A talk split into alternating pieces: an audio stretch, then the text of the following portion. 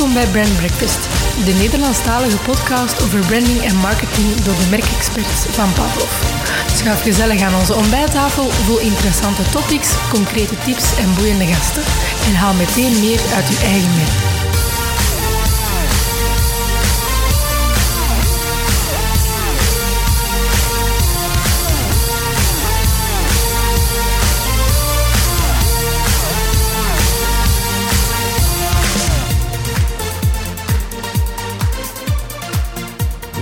Goedemorgen, beste luisteraars, en welkom bij aflevering 60 van de Brand Breakfast. Ik zit hier, zoals gebruikelijk, met mijn compagnon Michael. En uh, Klopt. wij moeten beginnen met ons te pardoneren, ons te excuseren voor de kleine vertraging. Dit is de aflevering van september, weliswaar begin oktober.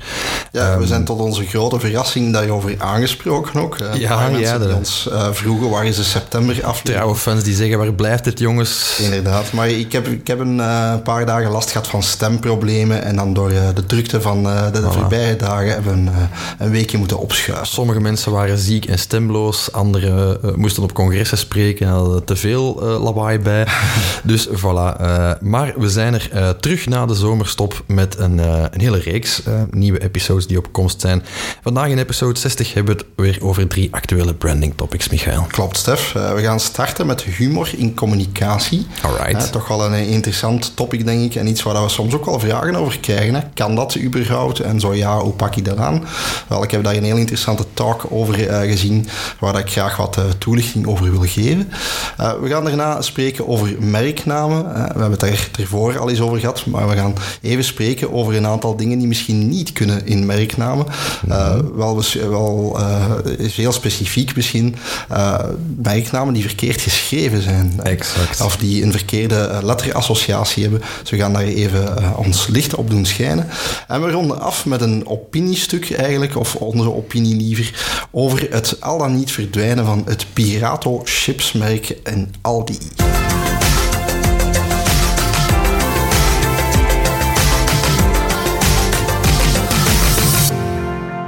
Stef, ik ben uh, deze week naar OM Conference gegaan. Wat een toeval, ik ook. Jij ook, hè? Je moest daar ook spreken op de, op de mainstage. Correct. Over relatierenaissance.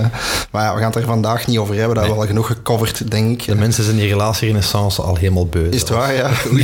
gelukkig niet. Dat valt nog mee. Ja, in ieder geval, ik heb naast uw talk, want ja, ik ben dan obligatoire uh, uitgenodigd om in die zaal te zitten natuurlijk. Het was van de moetes. Ja, het was van de moetes. Maar ik heb naast uw talk natuurlijk ook een aantal andere interessante sprekers gezien.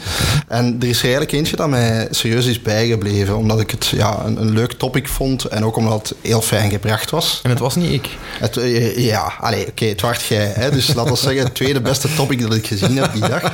Hè, ja. uh, ging eigenlijk over humor in communicatie. Alright. Ja, en ik vond dat wel een interessante insteek. Dus ik ben daarna gaan luisteren in de Darwin Hall in de Elisabethzaal. Uh -huh. En dat was een talk die gegeven werd door Jonathan Louis. Ik moet eerlijk bekennen dat ik hem ervoor nog niet had ontmoet. Mm -hmm. Maar dat is een, een co collega van ons bij uh, Home Collective. Okay. En uh, ja, hij heeft het dus inderdaad gehad over het topic humor. En ja, natuurlijk ook de mogelijke gevoeligheden en de voordelen ervan. Dat is altijd gevaarlijk. Uh, in, in, in, communicatie. en inderdaad, ja, het is altijd als merk een beetje afwegen van ja, kunnen we dat wel al dan niet doen? Hè? En ja, gaan we niet op tenen trappen en dergelijke? Gaan we niet wat onauthentiek overkomen?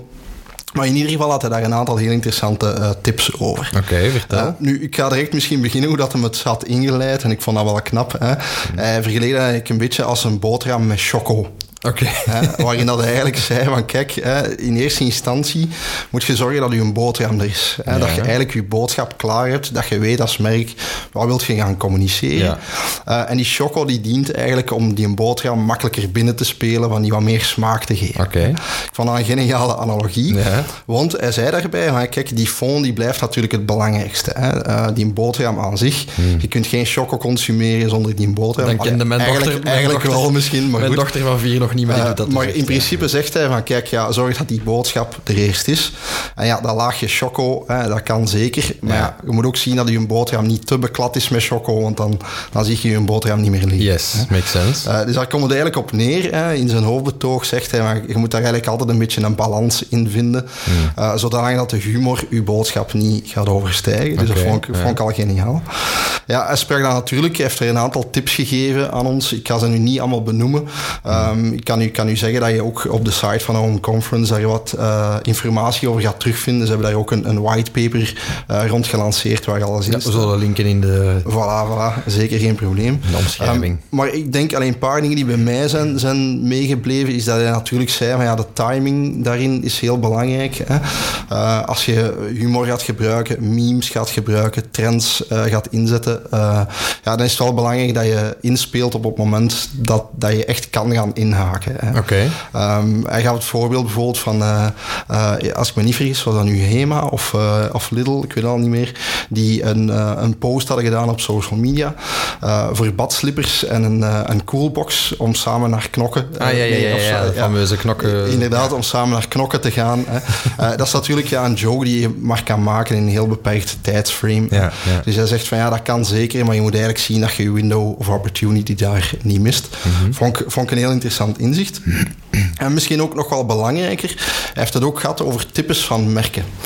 Uh, want hij zegt van kijk, humor gaat misschien niet werken voor iedereen. Hey, dat was ik er net al aan het denken, van dat, dat ja. kan toch niet voor alle merken werken, denk ik. Klopt, dan, humor. klopt, uh, klopt, klopt. Ja, je moet daar inderdaad heel hard mee oppassen. Hè. Uh, hij maakte zelf een, een, een, onderscheid, als ik me niet vergis, in drie kleuren. Okay. Uh, waar hij dan sprak over rode merken. En dat zijn dan eigenlijk ja, merken die toch wel wat gevoeligheid met zich mee inhouden. het voorbeeld van een begrafenisondernemer bijvoorbeeld. Ja. ja. als je daar gaat werken met humor, dat kan al heel gevoelig gaan liggen. Dus daar moet je heel hard mee opletten. Um, hij haalde daar ook het voorbeeld aan van luxe items. Hè. Hij zegt van ja, kijk, als je daar een, een authentiek verhaal van luxury, van lifestyle wilt gaan brengen, ja, als je daar onnozele mopjes gaat tussen steken, uh, dat gaat niet fitten met het merk. Hè. Ja, mensen met geld hebben geen humor, weten we allemaal. Ja, ja dat, dat, kan ik mij, dat kan ik mij minder voorstellen, dat we ons daar niet van uitgaan. Maar hij zegt van ja, die, die link natuurlijk met, met hoe het merk zich positioneert is wel een heel belangrijke. Mm, mm. Uh, dan sprak hij ook over, over uh, gele merken. Um, ja, dat zijn eigenlijk meer de commodity items. Hè. Dus uh, ja, food, food items bijvoorbeeld, zoals M&M's, McDonald's, fastfood dingen. Ja, er zit veel humor toch? Ja, daar zit ja. heel veel humor in, omdat het eigenlijk een heel laagdrempelig product is. Mm. Hè. Dus daar kan je zeker wel wat wilder gaan, wat creatiever gaan. En je ziet dat ook gebeuren hè, als je online gaat kijken. Uh, dus vaak gaan die merken elkaar zelfs een beetje challengen en in dialoog gaan met elkaar. Uh, maar dat, is, dat marcheert natuurlijk, omdat het ook vaak heel speels is, die insteek van, Ja. van het brand. Uh, en dan is er eigenlijk een categorie tussen, wat hij dan de, de witte merken noemde. Uh, ja, daar zegt hij van, van ja, dat zijn eigenlijk meer de technische, meer B2B dienstengerichte merken, uh, waar dat je wel een laagje humor kan gaan gebruiken, maar waar dat je zeker niet moet gaan overdrijven. Ja.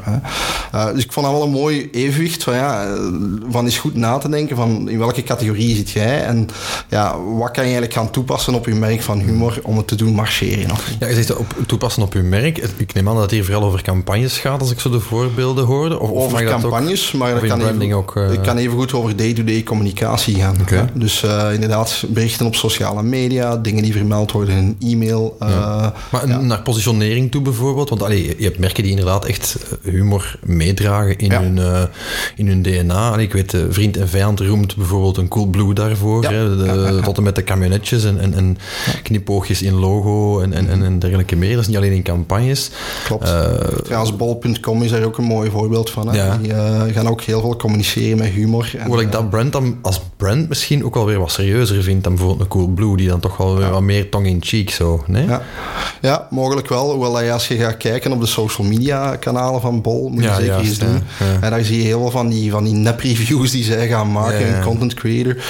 Waar dat ze dan ja, een knipoog doen met een review daar rond. eh, Ja. Vaak ook iets heel actueel rond gaan doen. Eh, en dat marcheert wel. Hè. Dat heeft ontzettend veel interactie vaak. Eh, ik zie dat heel regelmatig passeren op mijn timeline. Eh, dus eh, kan zeker. En vind je dat zelf een, een goede strategie voor een merk? Pak nu dat je zegt, allee, is natuurlijk een merkstrategie. Is merk, in merkstrategie is humor een, een, een, een, manier om perceptie te sturen voor u in, in een uh, merkpositionering? Of ziet dat dan toch eerder in communicatie en marketing dat je dat moet toepassen? Wel, laat ons inderdaad zeggen dat ik wel akkoord ben met de analyse dat je heel hard moet opletten uh, welk type van merk dat je bent. Ja? Ja. Um, ik ben niet akkoord dat je als merk die normaal gezien heel uh, expertisegericht, heel serieus voor de dag gaat komen, als je daar dan plots een, een stijlbreuk gaat doen, ja, daar, daar heb ik het vaak wel moeilijk mee. Mm. Dus dat zou ik dan iets minder gaan doen. Ja. Um, maar inderdaad, zoals je zegt, als het deel is van het DNA, als je claimt een fun-merk te zijn, een heel informeel oh ja, merk, hè, dan, dan, dan zeker. Hè. ik moet denken uh, bijvoorbeeld aan de horecasector. We hebben recent voor horeca, een horecaklant een hele studie van die sector gemaakt. Mm -hmm. Je ziet dan bijvoorbeeld een Bavet bijvoorbeeld, ja, die humor zit daar in alles. Hè. klopt. Uh, tot en met in de baseline en in interieurs. En, en dat gaat voor mij veel verder dan in het puur communicatieve eigenlijk. Nee, dat klopt. Ja. Maar inderdaad, daar zit dan deel van hun DNA. Hè. Ja. Ik ben al langs op café geweest ergens waar men uh, in de wc uh, tien uh, wc-rollen had hangen. En op verschillende plaatsen op de muur. Dus afhankelijk van waar je wou afnemen, kon je, kon je een extra, een extra velke wc-rol gaan pakken. Okay. Dus ja, dat is dan ook een stuk, een stuk die experience gaan creëren. Maar daar, in die setting, past het wel. Hè. Ja, of zoals de, de, de, tekentjes van Mercedes die verwijderd zijn op de kabinetjes van, van Coolblue en vervangen door een smiley bijvoorbeeld. Ja, en, bijvoorbeeld inderdaad. Daar kan je al eens wat gekker mee. Alright, kijk goed. Um, ja, gaf hij ook voorbeelden van waar het fout gelopen is bijvoorbeeld? Ja, absoluut. Hè. Uh, dus je kan daar te ver in gaan door echt ja, uh, mensen met de vinger te gaan wijzen bijvoorbeeld. Of uh, ja, de verkeerde timing te hebben voor een mop. Of een ja. hashtag te gaan gebruiken die gelinkt wordt aan andere dingen. Ja. die dan blijkbaar met veel serieuzere zaken geassocieerd werden. dus het kan zeker misgaan. Hè. Dus ik denk dat je daar heel goed mee moet opletten met humor. Ja, dat je niet de verkeerde link gaat leggen. Dat je niet, allee, dat je mm. niet te veel mensen op de tenen gaat trappen die je niet wilt op de tenen trappen.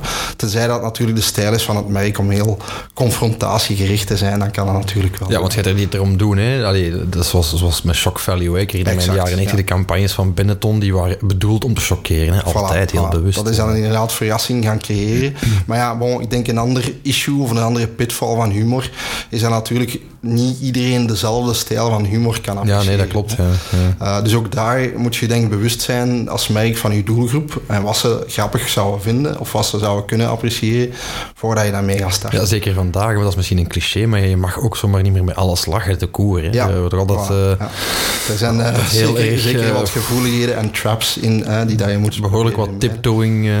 Ja, nee, ik zou dan zeggen van mijn kant ook... Um, ja, ik denk dat je ook moet proberen vermijden van de platgetreden paden al mm. te veel te gaan mm. bewandelen. Hè.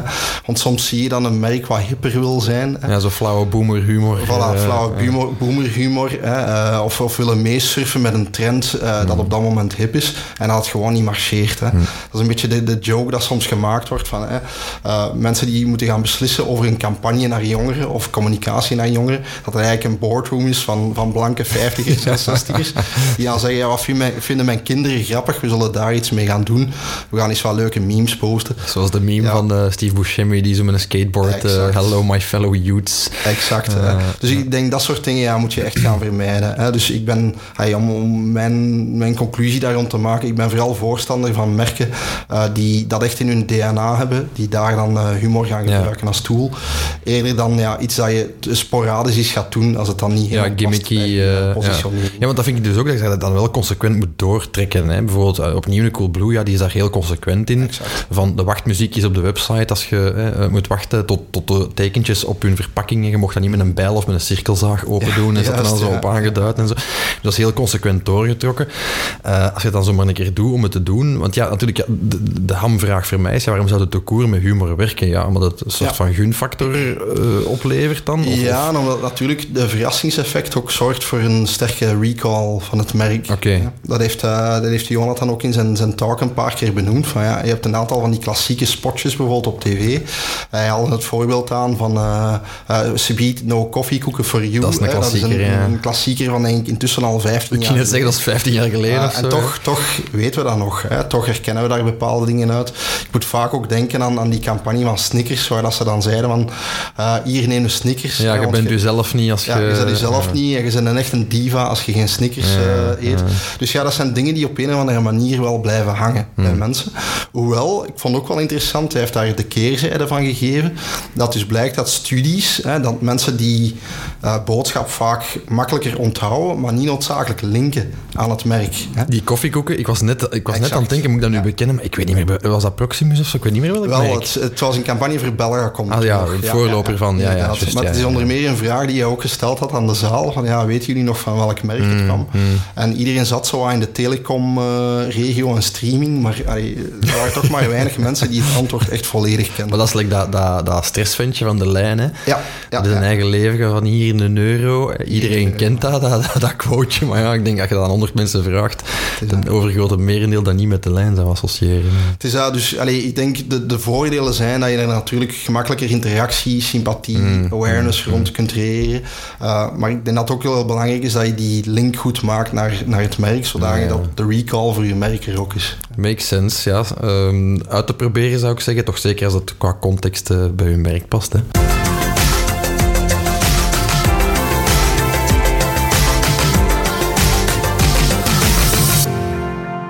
Michael, het is een, een topic dat we al eens eerder hebben aangehaald, voor zover ik me kan herinneren. Ehm, maar ik zou het toch nog eens willen hebben over merknamen. Oké. Meer bepaald een, eh, een strafonderzoek dat ik ben tegengekomen. Hè, eh, ja, research doende, eh, zoals het dan gaat voor klanten en, en opiniestukken en dergelijke meer. En ik vond het wel frappant ehm, wat blijkt dat ehm, het niet aangeraden is om je merknaam verkeerd te spellen. Verkeerd te spellen, als in daar, daar een kwinkslag in te zetten of een, een, een letter te vervangen. Of, uh... Uitstekende vraag. En ja, inderdaad dat. Want ja, logischerwijs hoop je dat mensen uw naam juist schrijven en dat je zelf uw eigen merknaam juist schrijft. Mm -hmm. Maar het gaat inderdaad over keuzes voor merknamen waarin bewust iets verkeerd gezet is. Alright. Uh, I plead guilty. Ik heb jarenlang een bedrijfje gehad dat Twisted heette. Ja, met een Z. Twisted met een Z. Hè? Ja. Uh, er zijn nog, nog tal van voorbeelden. Hè. Denk aan Lyft bijvoorbeeld, hè. de, de, ja. de Uber uh, concurrent in de Verenigde Staten bijvoorbeeld, die ook met een Y geschreven is. Mm uh, we hebben hier bij ons de app Flavor gehad, zonder eetje in, gewoon Flavor geschreven ja. eigenlijk. Hè. Um, ik vind altijd wel iets, iets hip, iets sympathieks hebben. Mm -hmm. um, de redenen daarvoor zijn ook wel duidelijk, denk ik. Hè. Dat heeft heel vaak te maken met ja, een merkdepot of die ja, naam, die domeinnaam. Ik wou net zeggen. Uh, voilà, beschikbaarheid, hè, dat is een, een heel goede uh, issue. Um, blijkt ook dat dat de meest voorkomende trend is bij uh, start-ups in 2021, namelijk verkeerd geschreven um, ja, merknamen. Ja, dat verbaast mij niks, hè, om toch iets kort te voilà. hebben of iets catchy. Ja. Dat is ook typisch iets voor start-ups. Ja. Uh, het valt ook op bijvoorbeeld, hè, uh, in het onderzoek wordt ook aangehaald, ja, de grote jongens, de Unilevers, de Procter Gamble's, die doen dat nooit. Hè. Mm -hmm. Die, die uh, zoeken dus noods nog, nog een paar jaar verder naar een goede merknaam, maar die doen dat nooit. Um, ja, het onderzoek... Dat sorry dat ik je onderbreek, maar, zoals die hype een tijd terug om alles met FI achterin te doen. Hè. Ja, met FI, of te beginnen met AI, zo met een AI, ja, inderdaad. Ja, inderdaad. Uh, I of I ervoor uh, te zetten, inderdaad. Dat is ook zo'n hype geweest. Um, ja, er wordt dus aangeraden, uh, op basis van een wetenschappelijke studie van dit jaar, februari dit jaar, van doe dat maar niet. Hè. Okay. Um, waarom niet? Het blijkt dat gemiddeld er reduced sales zijn tot 34 procent wanneer je je merknaam niet juist schrijft of niet, niet klopt. En dat gaat dan in, in dit geval over bedrijven die hun naam veranderen, dan neem ik aan? Nee, het gaat over... Uh, in dit geval is geëxperimenteerd geweest met acht hypothetische merken die dus niet echt bestaan. Mm -hmm. uh, er staan een paar voorbeelden uiteraard in het, in het onderzoek. Bijvoorbeeld, er was een, een seltzer, zo'n uh, ja, een alcoholische ja. drankje. Um, um, 13,6% van de deelnemers aan het onderzoek verkiest een seltzer met de naam Clear. Mm -hmm. Boven uh, die met de naam Clear, maar dan met een K geschreven. Ja, oké. Okay. En als het verkeerd geschreven is, dan is er minder interesse. Uh, bijna 20%, 19,8% is minder bereid om een app te downloaden die Daily Gains met een Z heet, een fitness-app. Oké. Okay. Dus als het Daily Gains met een S is, zijn er 20% ja. mensen meer bereid. En het strafste van al 33,6 6% meer mensen kopen een frisdrank als hem fresh heet met een F versus fresh met PH. Ja, ja. Um, en met wat heeft dat dan te maken, Stef? Heeft dat te maken met vertrouwen dan? Uh, dat mensen dan associëren van ja, ik moet er te veel over nadenken of dat is een beetje dodgy? Of... Ah, wel, dat is, dat, is, dat, is, dat is dus de hamvraag natuurlijk. Hè. Men ja. heeft dat dus uiteraard onderzocht. Uh, wat blijkt, uh, als een merk bizar klinkt en vooral als het bizar oogt, is er inderdaad een wantrouwen. Ja, ja. Um, dat komt omdat mensen maken uh, allerhande assumpties automatisch over waarom is dat verkeerd geschreven. Hè? Mm. En dus je, die, je hersenen uh, worden naartoe getrokken naar een merk als lift met Y. En je houdt automatisch, of je dat nu wilt of niet, vraag je af waarom is dat met een Y geschreven. Ja, dat klopt niet. Hè? En dus omdat dat zo gekunsteld is, vinden we dat inderdaad een beetje dodgy, vinden we dat een beetje, een beetje louche. Hè? Um, bovendien voelt het heel vaak aan als echt een, een, een ja, verwoede poging om zo wat hip te willen zijn of een ja. start-up te willen zijn, ook als dat dan misschien niet echt uh, helemaal een beetje als een marketingtruc. Ik wou net zeggen, misschien heeft het ook iets te veel de associatie van iets te recent te zijn, iets te en minder betrouwbaar, voilà. iets te weinig ja, standvastig ook qua merk. Exact, klopt ja. helemaal. Uh, nu, de belangrijke kanttekening bij het onderzoek en dus ook bij dit item in onze podcast het is niet getest op bestaande merken. Dus het experiment ja. is met fictieve merken.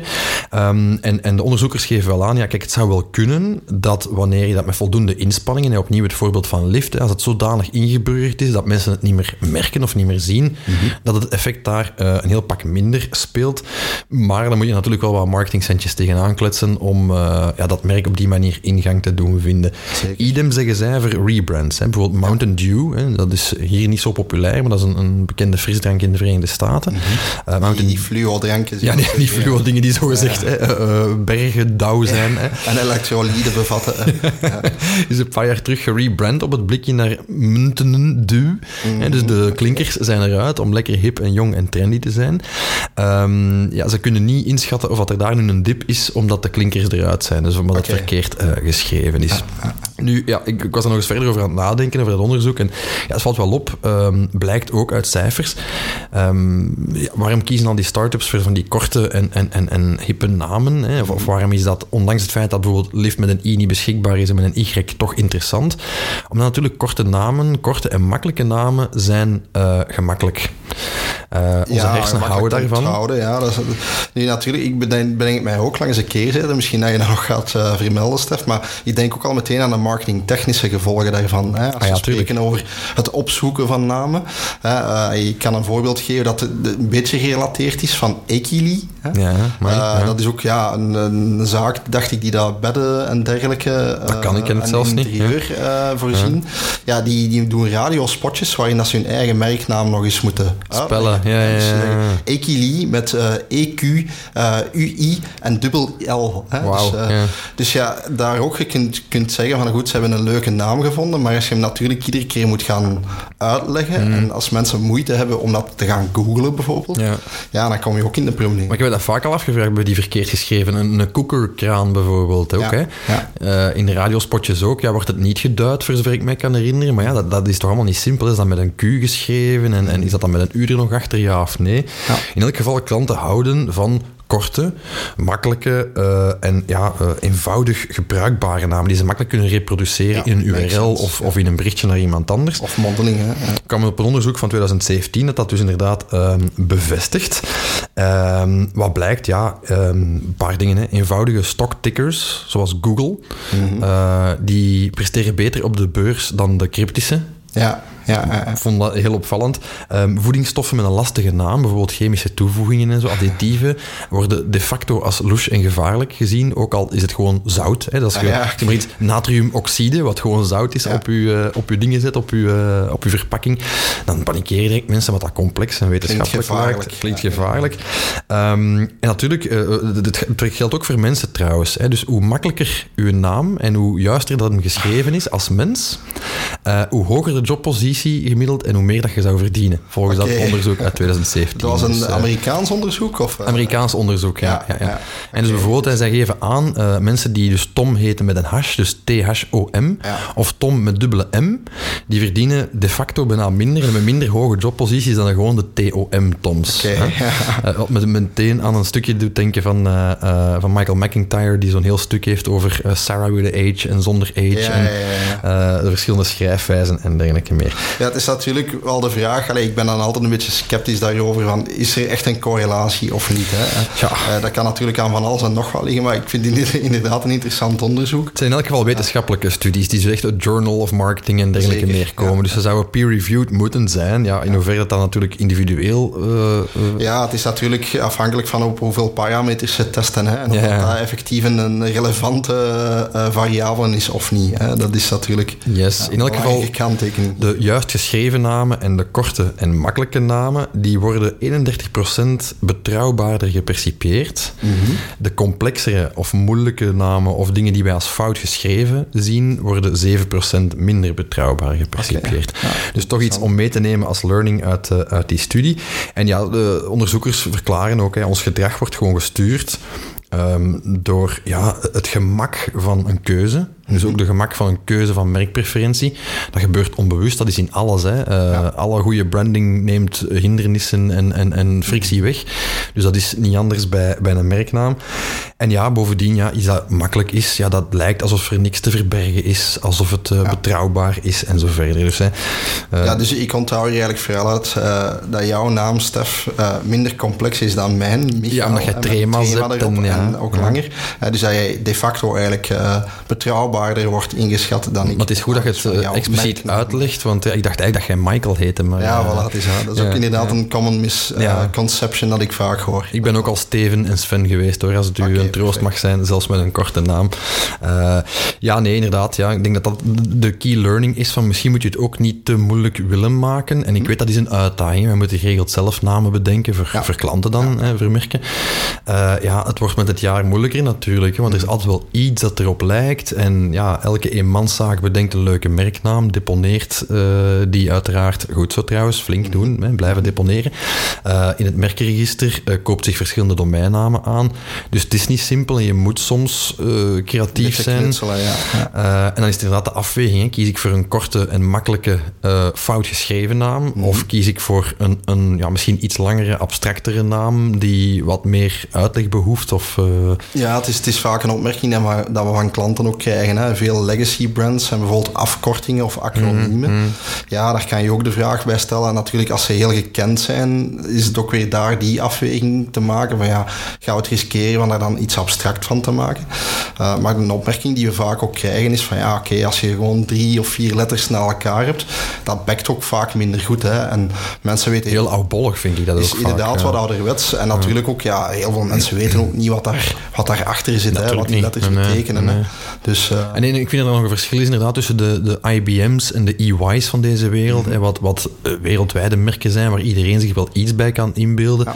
Versus ja, de KMO om de hoek die dan op zijn kabinetjes ABC en V heeft staan. En dan denk ik, ja, dat is ooit eens gekozen om vooraan in de gouden gids te staan, vermoedelijk in de jaren 70 of zo. Maar vandaag is dat weinig attractief, vind ik dan persoonlijk. Altijd zo, het heeft iets oudbollig. Enfin, in elk geval dingen om over na te denken als u een, eh, een nieuwe naam kiest voor uw bestaande of nieuwe uh, organisatie. Maar ja, toch wel uh, interessante cijfers. Ja, keep it simple, dat is eigenlijk de key message. Absoluut.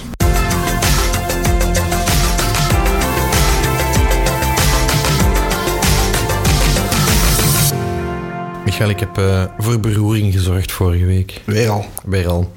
Um, meer bepaald door een, een, interview te geven aan het Nieuwsblad mm over het verdwijnen van Pirato als merk van de chipjes. uit Aldi. Ja, bij Aldi. Um, en zoals het dan gaat, heeft iedereen daar een mening over. Mm uh, en terecht, want dat is, verklaart ook de commotie rond het verdwijnen van dat soort merken. Toch op zijn eigen manier een vrij iconisch merk, mag ik zeggen. Ah, ja, maar dat is net heel het punt. Hè. En dat is ook de reden waarom ik mij daar altijd zo in opjaag. Het is te zeggen, niet altijd. Ik ga ze niet nuanceren, maar in heel veel gevallen snap ik niet goed hoe die beslissingen tot stand komen. Mm Het is te zeggen, ik begrijp het wel vanuit een rationeel oogpunt, maar vanuit een emotioneel oogpunt vind ik dat merken veel te vaak in dezelfde val trappen. Mm Meer bepaald het onderschatten van hoe een doelgroep naar een merk kijkt. En wat is de rationele reden om hierin verandering? De rationele reden is altijd dezelfde. Of het nu over Carapils gaat, waar ik een paar jaar terug voor beroering gezorgd heb, die tot, mij tot heden blijft achtervolgen trouwens, of vandaag over Pirato chips, of 20, 30 jaar geleden toen Raiders Twix werd. Mm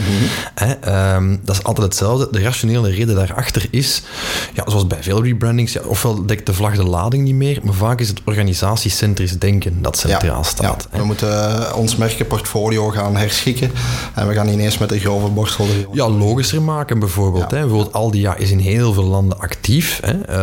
Uh, ik heb er nog over gehad trouwens met mijn gast Mieke Lonke van BDO in een, uh, in een andere podcastserie. Uh, Zij zei, Aldi is mijn favoriete merk. We hebben toen heel uitgebreid gehad over de geschiedenis van Aldi, maar het concept erachter is natuurlijk, ja, overal heten hun, hun producten Sunbaked, hè, mhm. wat op zich geen slechte merknaam is, denk ik, voor chipjes en, en, en koekjes en nootjes en dat soort snacks. Maar ja, je hebt dan die Pirato, en die Pirato is zo ja, de rare, uh, zal ik het zeggen, de rare brand in het schap, of, of, of ja, de, de, vreemde eend in de bijt. Dat past niet in dat rijtje. Dat wordt dan lang volgehouden omwille van, ach ja, het heeft een zekere status als merk. Maar op een gegeven moment is het gewoon naar verpakkingen toe, naar logica in marketing toe, voor een organisatie logischer om te zeggen, ja, we gaan één merkje minder in de lucht houden. Ja, en gewoon alles uh, uniformiseren. Exact. Bij Cara was dat net hetzelfde. Hè. Colruyt zei, goh, zou het niet interessanter zijn als we ons eigen pilsmerkje onder Everyday, hè, ons, een van onze huismerken, onderbrengen? Uh, ja, ik, vanuit een directiekamer begrijp ik die operatie. Mhm. uh, maar men, men, lijkt dan altijd zo te verschieten van de backlash die er komt van het brede publiek. Terwijl er zoveel cases zijn al van mensen die dat dus niet pikken. Hè. Uh, maar heeft het ook ergens te maken, Stef? Want je zegt ja, ze onderschatten daar hun, hun mhm. brand value. Over het feit dat ze op zich ook niet veel hebben ingezet op de, de waarde van het merk. Ik bedoel daarmee, ja. over Carapils op zich, rond de branding aan zich, is er nooit veel investering geweest. Nee, nee. Dus vanuit een, een directieoog zullen zij misschien redeneren. Ja, uh, het is niet dat who we cares, daar, ja. voilà, who cares. Het is niet dat we daar veel marketing rond gedaan hebben. Dat is eigenlijk gewoon een naam die op ons wit huismerk staat. Ja. Uh, ah, ja, maar dat is ook de reactie die ik krijg op LinkedIn, hè, want ik deel dan dat artikel in het nieuwsblad. En er zijn dan mensen die zeggen, jong, of wat dan nu uh, Huppel de Pubchips heet, of Sunbaked, of Pirato, of Lace, of Smits, of Crocky, dat maakt eigenlijk niet uit. Hè. Die chipjes, ja, die zijn lekker, of ze zijn niet lekker, whatever, ieder zijn mening. Ja. Um, en daar is inderdaad iets voor te zeggen. En toch, onbewust, hebben we het daar lastig mee. Uh, sowieso, mensen houden niet van verandering. De mhm. ene al wat minder dan de andere. Dus dat speelt al mee. Hè. Je moet dat heel om, om, om, omslachtig uh, aanpakken. Of heel omzichtig liever aanpakken.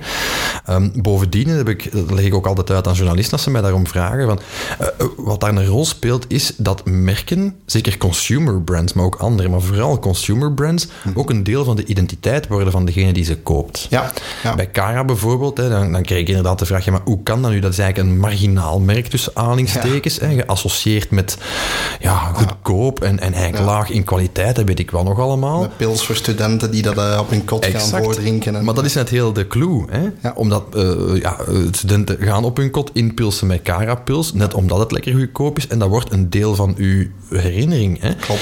Uh, dat is nostalgie dat daar speelt, dat is een deel van uw identiteit die daar speelt. Ja, ik vroeg mij ook af inderdaad dat niet een stuk met nostalgie te maken heeft. Natuurlijk. Het natuurlijk ook een product is vanuit een bepaalde tijd van, uh, waarin iemand is opgegroeid. Ja. Ik herinner mij dat we destijds voor de tv ook allemaal een, uh, een kommetje Pirato-chips kregen uh, op vrijdagavond. dus ja, dat is iets dat bij mij is blijven plakken. Ik moet zeggen dat ik dat merk niet meer gekocht heb in de laatste 15 à 20 Sindsdien, jaar. Ja. maar inderdaad, ja, het is wel een merk dat mij is bijgebleven op een of andere manier. Natuurlijk. Dus misschien toch een nostalgische factor. Hetzelfde met Carapils natuurlijk vanuit mijn studententijd. ja, het is day and age. I don't care anymore. Mm, Het is, ik ben eigenlijk niet meer het doelpubliek van dat merk. Je gaat niet mee betogen om Pirato te Ik ga niet mee betogen, maar inderdaad, ik heb er toch een zekere emotionele waardering voor, ah, voilà. genoeg. Ja, ja. Ondanks het feit dat ik niet trouw, uh, trouwe gebruiker ben van, van het merk. In die mate zelfs dat het in, in heel veel uh, segmenten van de markt echt als hip wordt ervaren. Ja. ja en Aldi heeft zelfs uh, t-shirts en, en, en kledinglijnen van Schultenbrouw en van Pirato en wat van Buval, hè, hun, hun andere... duvel een duvel variant en dergelijke meer. dus ja, je mag daar, daar, hoe zal ik dat zeggen, het iconische van zelfs wat een marginaal merk is, ja, een luisteraar ziet dat niet, maar ik maak hier air quotes, ehm, mag je niet onderschatten, omdat het gewoon deel is van identiteit van mensen. En soms ook, hè, ik denk aan de, de figuren, de Average Robs en de, de, de, de Boggy de rappers van deze wereld. Het non-conformisme vaak hè, is deel van die identiteit. Dus ja... ja het anticommerciële een stuk... Uh, ja, of zelfs iets dat andere mensen verfoeien. Hè. Ik denk aan uh, witte kousen in crocs. Ja, ja vandaag mag het weer, omdat Average Rob het cool maakt. Hè. daar zouden we tien jaar geleden niet dood in willen gevonden worden, bij wijze van mm. spreken. Hè. En dat is iets dat, dat, dat, mij opvalt, dat heel vaak onderschat wordt, die emotionaliteit daarvan. Allee, Tokoer wordt dat onderschat nog altijd, maar zeker in dat soort, in dat soort beslissingen. op het absurde af, hè. in Amerika is er de bekende case van de Tropicana rebrand, hè, waar men op een gegeven moment zegt, ja, dat die oude verpakking die gaat al mee sinds de eeuwigheid. We gaan die eens aanpassen. En men had er een, allee, op zich, je moet dat maar eens googlen, een heel mooie verpakking voor ontwikkeld. Mhm. En die sales die stoken in elkaar. Hè. Uh, misschien was slecht gecommuniceerd, misschien wat weinig herkenbaar in schap. Maar mensen ja, vonden dat niet meer zo attractief als product. Um, de kinderchocolade van Ferrero, mm daar stond sinds de jaren 70 hetzelfde, hetzelfde, kindje, op. hetzelfde kindje op. Men beslist op een gegeven moment, ja, tijd voor een ander kindje. Men doet aan crowdsourcing, men doet een wedstrijd hè, bij klanten van, ja, stuur uw kind in en wordt het nieuwe kindje van de kinderchocolade. Ja, die wedstrijd loopt, er wordt een winnaar aangeduid. Dat, dat jongensje of meisje, ik weet het al niet meer, komt op die verpakking terecht. En iedereen was boos. Ja. Wij willen terug dat originele kind, die is ondertussen misschien al 50 of 60, die kleine, maar ja, dat moest terug uh, de originele zijn.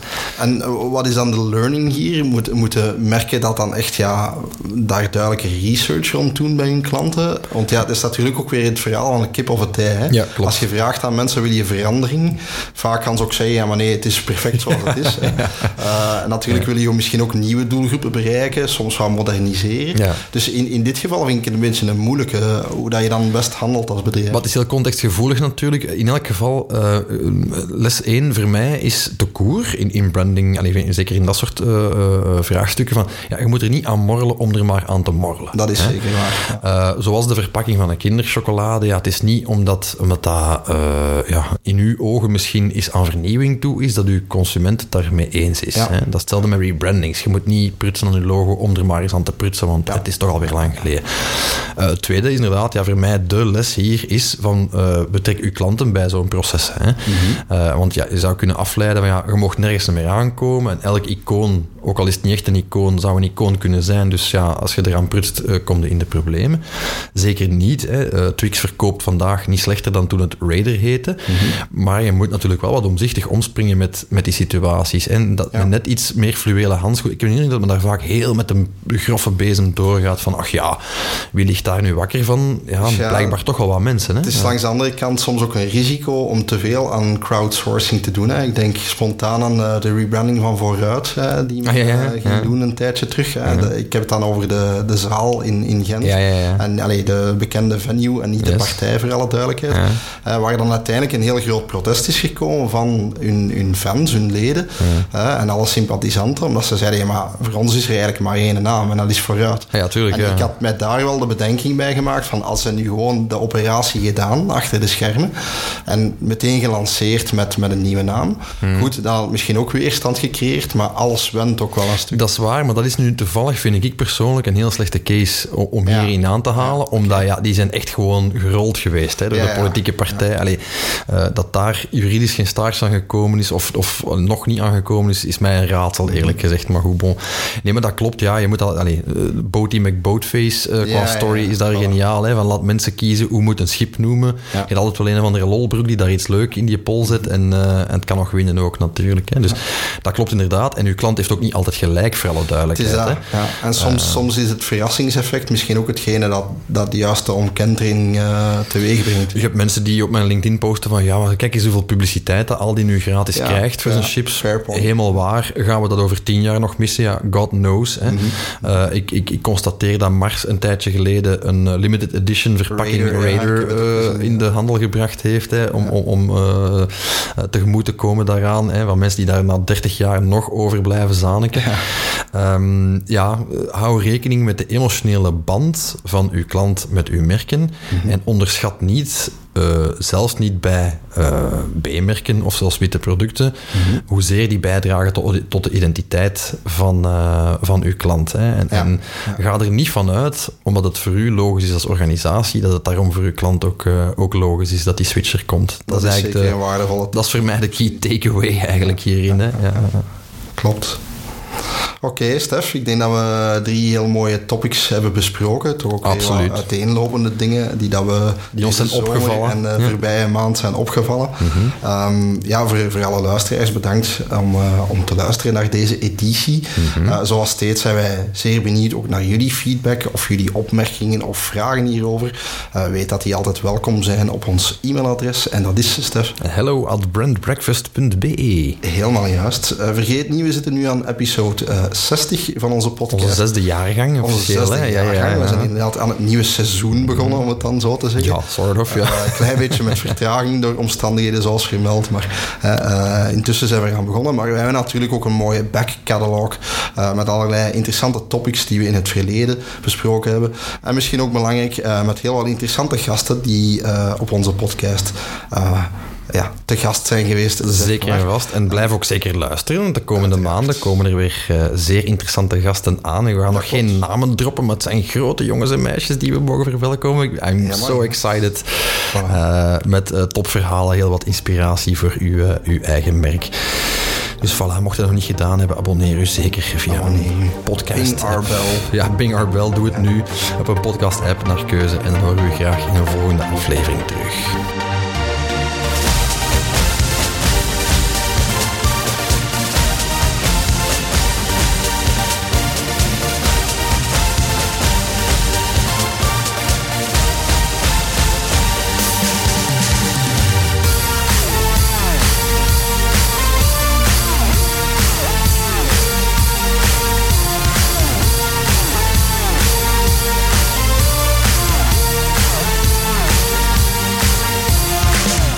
Brand Breakfast voor deze aflevering. Vergeet ons niet te liken of u te abonneren via uw favoriete app. Ontdek ook al onze andere episodes via brandbreakfast.be en discussieer mee via hello@brandbreakfast.be of onze sociale mediakanalen.